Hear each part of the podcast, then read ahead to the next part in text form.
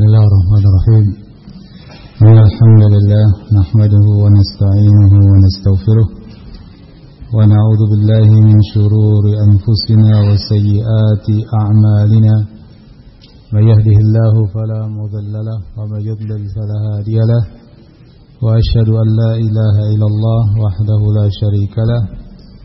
وأشهد أن محمدا عبده ورسوله. يا أيها الذين آمنوا اتقوا الله حق تقاته ولا تموتن إلا وأنتم مسلمون. يا أيها الناس اتقوا ربكم الذي خلقكم من نفس واحدة وخلق منها زوجها وبث منهما رجالا كثيرا ونساء واتقوا الله الذي تساءلون به والأرحام إن الله كان عليكم رقيبا. يا أيها الذين آمنوا اتقوا الله وقولوا قولا سديدا يصلح لكم أعمالكم ويغفر لكم ذنوبكم ومن يطع الله ورسوله فقد فاز فوزا عظيما. أما بعد. إخواني في الدين رحمكم الله أيها الطلبة حفظكم الله. uh, Mungkin pada malam hari ini kita selingi dengan yang lain. Selain dari daras yang rutin yaitu Daras Sahih Al-Bukhari. Ya. Kebetulan kurang menyiapkan pelajaran Sehingga kita baca faedah-faedah yang lain saya akan baca beberapa ucapan para pendahulu kita As-salafus terkait dengan uh,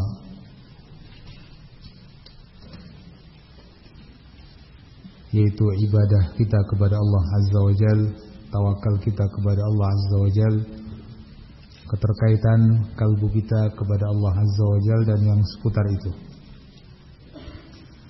di sana banyak ucapan para pendahulu kita rahimahumullah yang memberikan kepada kita motivasi untuk senantiasa terkait dengan Allah Azza wa Jal. Senantiasa kita bertakarrub kepada Allah Azza wa Jal. Mendekatkan diri kita kepadanya dan tawakal kepadanya.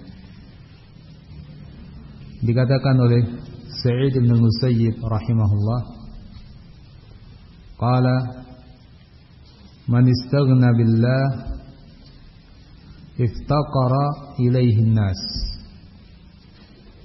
Barang siapa yang merasa cukup dengan Allah Azza wa Jal Maka orang-orang yang akan membutuhkannya Merasa butuh kepadanya Man istaghna billah iftaqara ilaihin nas. Nah, ucapan Sa'id bin Musayyib rahimahullah memberikan kepada kita suatu penjelasan bahwa seorang yang senantiasa bertawakal kepada Allah Azza wa Jal dia sendiri tidak akan merasa butuh kepada manusia dan Allah Azza wa Jalla akan mencukupinya. Ini pun sesuai dengan firman Allah Azza wa Jalla, "Wa may yatawakkal 'ala Allah fa huwa hasbuh." Siapa yang tawakal kepada Allah Azza wa Jalla, maka Allah akan mencukupinya. Sehingga dia tidak merasa butuh kepada orang. Bahkan kata Sa'id bin al-Musayyib iftaqara ilaihin nas.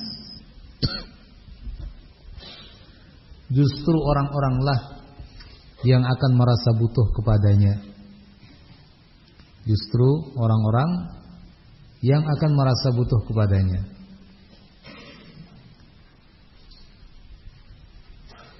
Ikhwani fillah rahimakumullah dan begitulah secara kenyataan kita melihat bagaimana para ulama kita rahimahumullah. Baik ulama-ulama dulu maupun ulama di masa ini. Mereka yang betul-betul sebagai ulama yang tawakalnya tinggi kepada Allah Subhanahu wa taala mereka sangat dibutuhkan oleh manusia dari berbagai golongan bukan hanya rakyat biasa merasa butuh kepada panutannya yaitu para ulama. Tapi sekalipun orang-orang besar bahkan sekalipun raja sekalipun pejabat mereka semua merasa membutuhkannya. Apalagi dahulu para ulama kita rahimahumullah yang mereka itu kalau kita melihat dari sisi status sosialnya mereka orang-orang yang sebagiannya bahkan budak yang dimerdekakan. Namun ketika mereka hanya bertawakal kepada Allah Azza wa Jal, mereka menjadi orang-orang yang saleh, orang yang zuhud. Maka semua orang datang kepadanya dari berbagai penjuru, bahkan para penguasa sekalipun datang kepadanya untuk meminta nasihat, meminta bimbingan dan seterusnya. Nah, jadi ini adalah buah daripada tawakal kepada Allah Azza wa Jal, billah, percaya sepenuhnya kepada Allah Subhanahu wa taala. Maka hendaknya ini menjadi pedoman bagi kita semuanya untuk senantiasa hanya bertawakal kepadanya. Waqala Abu Sulaiman Ad-Darani Idza kanatil akhiratu fil qalb ja'atid dunya tazhamuha wa idza kanatid dunya fil qalbi lam tazhamha al-akhirah. Li'anna al-akhirata karimatun wad dunya la'imatun.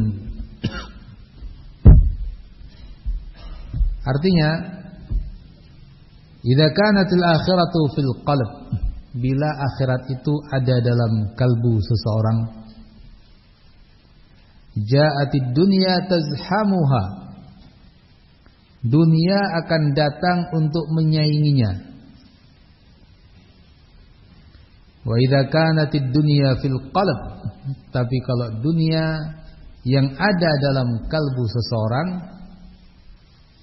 lam tazham hal akhirah, maka akhirat tidak akan datang menyainginya. Li'annal akhirata karimah. Karena akhirat itu mulia. Mahal nilainya. Wa dunya laimah. Sementara dunia itu rendahan. Nah inilah buah daripada istighalu al-qalb bil umuril ukhrawiyah menyibukkan kalbu kita dengan hal-hal yang sifatnya akhirat. Seperti kata beliau Abu Sulaiman rahimahullah, kalau yang ada dalam kalbu seseorang itu akhirat, ya, itu yang menjadi pikirannya, itu yang menjadi uh, hal yang menyibukkan dirinya dan menjadi cita-citanya, maka dunia akan berusaha masuk untuk menyaingi dengan berbagai macam godaan untuk memalingkan tentunya. Sementara kalau seorang hamba sudah tersibukkan dengan perkara-perkara duniawi, akhirat nggak akan masuk ke situ. Ya, kenapa? Beliau katakan akhirat itu mulia. Buat apa bersaing dengan dunia? Dunia rendahan. Justru Sebaliknya dunia yang ingin mengejar karena dia rendahan ketika akhirat ada dalam kalbu seseorang dia ingin berusaha juga mempengaruhi ingin bersaing ingin apa memalingkan manusia dari akhirat nah jadi ikhwan fillah rahimakumullah kalau seperti ini keadaannya bagi kita ketika kita uh, menyibukkan diri kita dengan akhirat kita, berhati-hati daripada godaan-godaan duniawi. Karena akan ada yang berusaha mempengaruhi dalam diri kita untuk memalingkan dari urusan-urusan akhirat. Ya. Tentunya di sana ada upaya syaitan. Yang upaya syaitan itu terkadang didukung oleh hawa nafsu kita yang menjadi media yang sudah siap ditunggangi oleh syaitan karena dalam diri kita ada hawa nafsu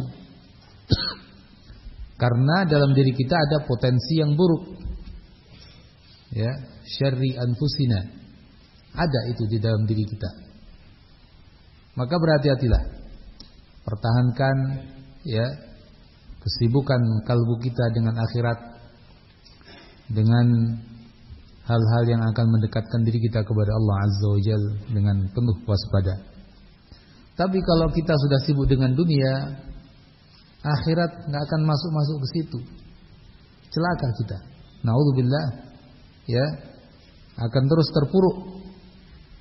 Akhirat tidak akan masuk untuk memalingkan kita dari duniawi. Kenapa seperti kata beliau? Buat apa bersaing dengan dunia? dunia laimah akhirat yang mahal nilainya nah sehingga sungguh celaka kalau ada orang yang sudah kesibukan kalbunya pikirannya selalu dengan perkara-perkara duniawi nasallallahu alaihi kemudian dikatakan oleh yang lain وقال الفضيل بن عياض رحمه الله biqadri ma yasghuru adz-dzambu 'indaka ya'dhumu 'indallah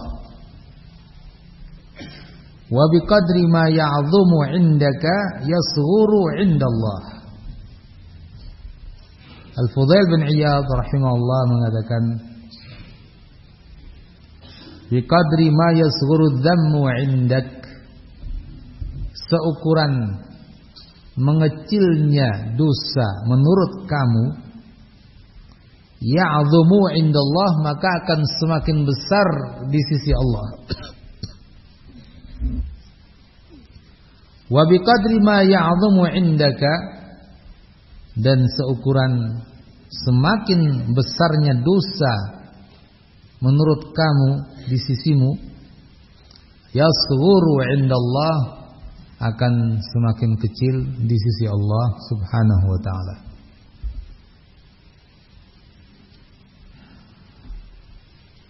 Maknanya bahwa kalau begitu besar dan kecilnya dosa juga dipengaruhi oleh diri kita sendiri. Sejauh mana kita meremehkan dosa itu atau sejauh mana kita begitu takut dan khawatir karena dosa itu. Ini punya pengaruh dalam besar kecilnya dosa di sisi Allah Azza wa Jalla. Kata beliau rahimahullah seukuran kecilnya dosa di sisi kamu artinya anggapan kecilnya dosa menurut kamu bisa jadi dosa itu besar. Kita anggap remeh. Atau dosa memang kecil, kita juga sangat menyepelekan. Tapi justru semakin kita meremehkan dosa, semakin dosa itu nilainya besar di sisi Allah Azza wa Jalla. Maka tidak boleh kita menganggap remeh dosa. Ya, karenanya para ulama kita rahimahumullah dulu mengatakan, kamu jangan melihat kecilnya dosa. Tapi kamu hendaknya ingat kepada siapa kamu berdosa. Allah Azza wa Jal Maha besar. Allah Azza wa Jal Maha mulia. Kita berdosa kepada zat yang maha besar. Itu yang mestinya lebih diperhatikan. Bukan kepada dosanya lalu kita anggap remeh. Jangan melihat dosanya, tapi lihatlah kepada siapa kamu bermaksiat. Kepada Allah Azza wa Jalla yang Maha Besar. Nah, sehingga kalau ada orang meremehkan dosa, menganggap kecil, sepele, justru dosa itu di sisi Allah semakin besar. Nauzubillah min dzalik. Sebaliknya kata beliau rahimahullah, "Wa biqadri ma ya'dhumu 'indaka yasghuru 'indallah." Seukuran semakin besarnya dosa itu menurut kamu, maka akan semakin kecil di sisi Allah. Ketika seorang berdosa lalu dia takut dia khawatir dia gelisah ya lalu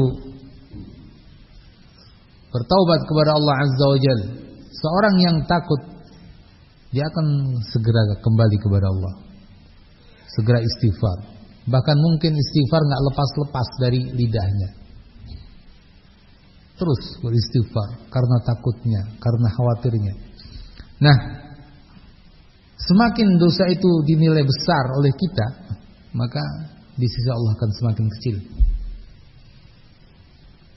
Karenanya ya kita harus betul-betul punya rasa takut yang tinggi ya terhadap dosa-dosa kita itu akan membantu kita untuk memperingan kita di hadapan Allah Azza wa Jalla. Ikhwan fillah rahimakumullah. Dulu ulama kita juga mengatakan la kabirata ma'al istighfar wala saghirata ma'al israr. Ini ada kaitannya dengan ucapan Al-Fudail bin Iyad rahimahullah. La kabirata ma'al istighfar. Tidak ada dosa besar dengan adanya istighfar. Artinya apa? Ya istighfar yang betul-betul ya. Bukan istighfarnya orang yang nggak serius.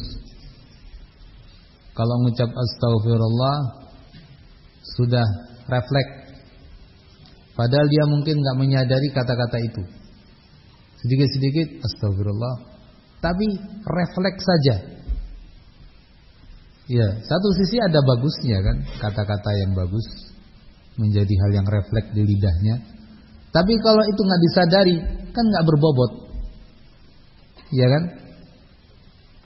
Ya, karenanya sebagian uh, di kitab yang saya ingat saya ya dulu pernah saya baca perlu dilihat kembali ada orang-orang yang istighfarnya itu perlu istighfar. Istighfarnya membutuhkan istighfar juga. Kenapa begitu? Ya itu. Istighfarnya itu hampa. Atau bahkan istighfarnya ria. Nah, tapi kalau istighfar itu betul-betul meresapi maknanya, didorong karena rasa takutnya kepada Allah Azza wa Jalla, menyadari dosanya, ya menyesal. Maka kata ulama la kabirah, nggak ada dosa besar. Dosa besar bisa jadi kecil. Karena ini dia sangat takut ya kepada Allah Azza wa Jal. Terus bertaubat dan terus lantunan istighfar terucap dari lidahnya. Sebaliknya wala saghirata ma'al israr Wala saghirata ma'al israr. Tidak ada saghirah dosa kecil kalau selalu israr terus menerus. Ah, ini karena meremehkan dosa. Ah, dosa kecil. dilakukan lagi. Wah, ini kan kecil. Dilakukan lagi, nggak seberapa. Ya. Nah, justru dengan israr diulang lagi, diulang lagi, dianggap remeh, sepele, justru menjadi besar di sisi Allah Azza wa. Jadi kita sendiri punya peran dalam apa? Menjadikan dosa semakin besar atau semakin kecil, yakni dengan tadi israr berulang-ulang dalam melakukannya. Masyaallah salam. Ikhwan fillah rahimakumullah. Tentu seperti yang dikatakan oleh Nabi SAW ya, yang maknanya bahwa kalau orang mukmin melakukan suatu dosa itu ibarat gunung yang mau menimpa dia, sangat takut. Ya. Ibarat gunung yang mau menimpa dia. Takut. Ya. Dan jantung ini langsung berdebar-debar. Tidak karuan. Tanda seorang mukmin takut kepada Allah Azza wa Jalla. Wajilat qulubuhum. Ya, wajilat qulubuhum. Betul-betul bergetar. Ya. Jantung itu uh, apa? merasakan takutnya. Tapi kalau seorang munafik melakukan suatu dosa seperti lalat yang hinggap di mukanya kemudian dia halau begitu saja. Enteng. Ya. Nah, ini justru yang membuat dosa semakin besar. Karena dia nganggap remeh, nganggap kecil, ringan, sepele. Ya, ibarat lalat saja di uh, halau oleh dia. Ikhwan fillah rahimakumullah, para ulama kita terdahulu ya. Di antaranya di sini disebutkan Yunus bin Ubaid mengatakan Mali tadhi'u lid-dajajah fa ajidu laha